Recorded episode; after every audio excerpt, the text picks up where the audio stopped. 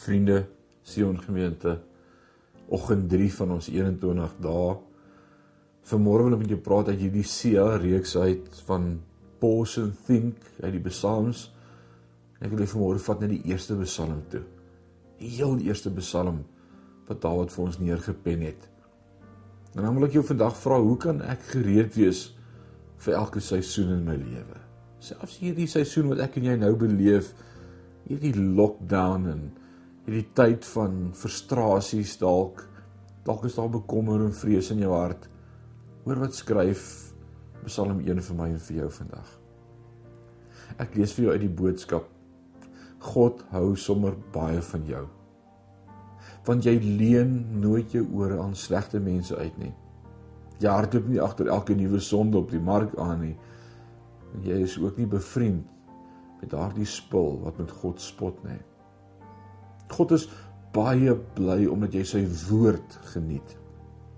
Jy lees dit dag en nag sonder om moeg te word daarvoor. Waarom is jy soos 'n boom, 'n groot boom wat stewig langs die water staan? Hierdie boom dra op die regte tyd baie vrugte en sy blare bly groen. Sy grootheid skyn helder in alles wat jy doen. Daarom gaan dit baie goed met jou met elkeen wat nie doen wat God sê nie, gaan dit bitter sleg. Hulle sonde dat hulle lewe uitmekaar val. Daarom sal daar nie vir hulle plek wees wanneer God eendag voor almal sê wie aan hom behoort nie. God wys vir mense wat hom liefhet hoe om elke dag te leef. Maar slegte mense verdwaal vir altyd in hulle sonde. As ons deur moeilike tye gaan, soek ons gereeld raad. Ons is so gemaak om te vra vir raad. En ons soek dit op verskillende plekke. Dalk by vriende, by familie, dalk in 'n boek, dalk selfs by 'n beraader, selfs op die internet of media. Soms kan daardie raad ons 'n lang pad laat loop. Na ander kere is dit sinvol, maar tog voel ek en jy leeg. Almal van ons was sekerlik al op so 'n plek in ons lewe. Dalk selfadvies vir 'n rukkie gewerk, maar dit kan nie op die lang termyn onderhou word nie. Of jy nou in 'n goeie seisoen is of deur moeilike tye gaan, dis belangrik om jou lewensgrondslag te bou op iets wat vir ewig sal duur. Hoe anders sal ons die moeilike tye kan deurkom wanneer dit aan ons deurklop? As Christene sit ons nog steeds met moeilike tye. Dit kan 'n nare werklikheid wees. Die vraag word so baie gevra, hoekom ek en jy as kind van God dan ook deur hierdie moeilike goed moet gaan? As God dan nou regtig sonde straf daar buite, soos wat baie van ons die WhatsApps kry en die SMS'e lees wat sê God is besig om sonde te straf.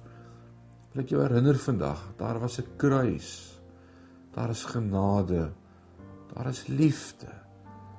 God self verklaar in Johannes 3:16 want so lief het God die wêreld dat hy sy enige seun gegee het. Ek dink nie God is besig om die wêreld te straf nie. Dalk wil hy net hê dat ek en jy meer na hom moet roep. Dat meer mense daar buite sal inkeer en by God sal aanklop vir hulp. Psalm 1 sê egter vir ons dat ons kan blom en nie verlep nie as ons ons fondamente bou op die waarheid van God deur die Bybel te lees en ons die hemelse Vader te leer ken word ons soos 'n boom wat by water geplant is.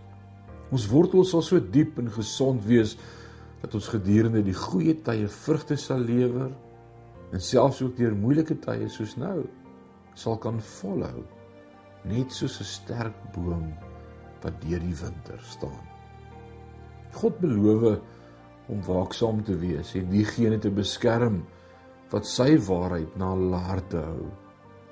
Hy ondersteun ons deur moeilike tye. Elke oomblik is hy by ons. Enige iets anders waarop ons ons lewe bou, sal nie die storms van die lewe kan deurmaak nie. En ons sal so skaf wees wat deur wind weggewaai word. Oorweeg vandag opnuut saam met my waar jou fondasie lê. Soek jou antwoorde van vriende of die TV of die internet of staan vandag op God se woord. Die waarheid wat ons kan vrymaak en die krag gee om deur elke storm wat ons in die gesig mag staar staande te kan bly. As ons vandag oor hierdie Psalm 1 reflekteer, dan is die vraag wat ek vir jou vandag wil vra is waarop is jou fondamente gebou? Op wie op waarop vertrou jy in die goeie en die slegte tye? Dis tye soos hierdie wat ek en jy opnuut besef al wat ons het is God. En dan kom daar die pragtige woorde van Corrie ten Boom wat gedurende die Tweede Wêreldoorlog as 'n Hollandse dame soveel wegkry plek verleer het aan soveel Jode wat daar kom wegkruip het en nadat dan self gevang is deur die Duitsers in 'n konsentrasiekamp saam met die Jode gegooi is. En dan skryf sy hierdie woorde: You'll never know that God is all you need until God is all you have. En in hierdie tye wanneer ek en jy binne moet bly en nie kan steun op die wêreld en die gemak en die genot nie, besef ons opnuut God is al wat ek en jy nodig het. Wat is 'n stap wat jy vandag kan neem om jou lewe op die waarheid van God se woord te bou? Oorweeg dit om 'n bemoedigende vers of of te memoriseer of of dalk kommit jouself net vandag om te sê ek gaan ek gaan meer in God se woord wees as die fondasie van my lewe. Die laaste vraag: Wie in jou lewe bemoedig jy met die waarheid van die Bybel? Dalk is dit vandag tyd om om hierdie skrif ook met iemand anders te deel en te sê daar is 'n waarheid en kom ons bou op die waarheid. Mag die Here jou seën in hierdie dag. Amen.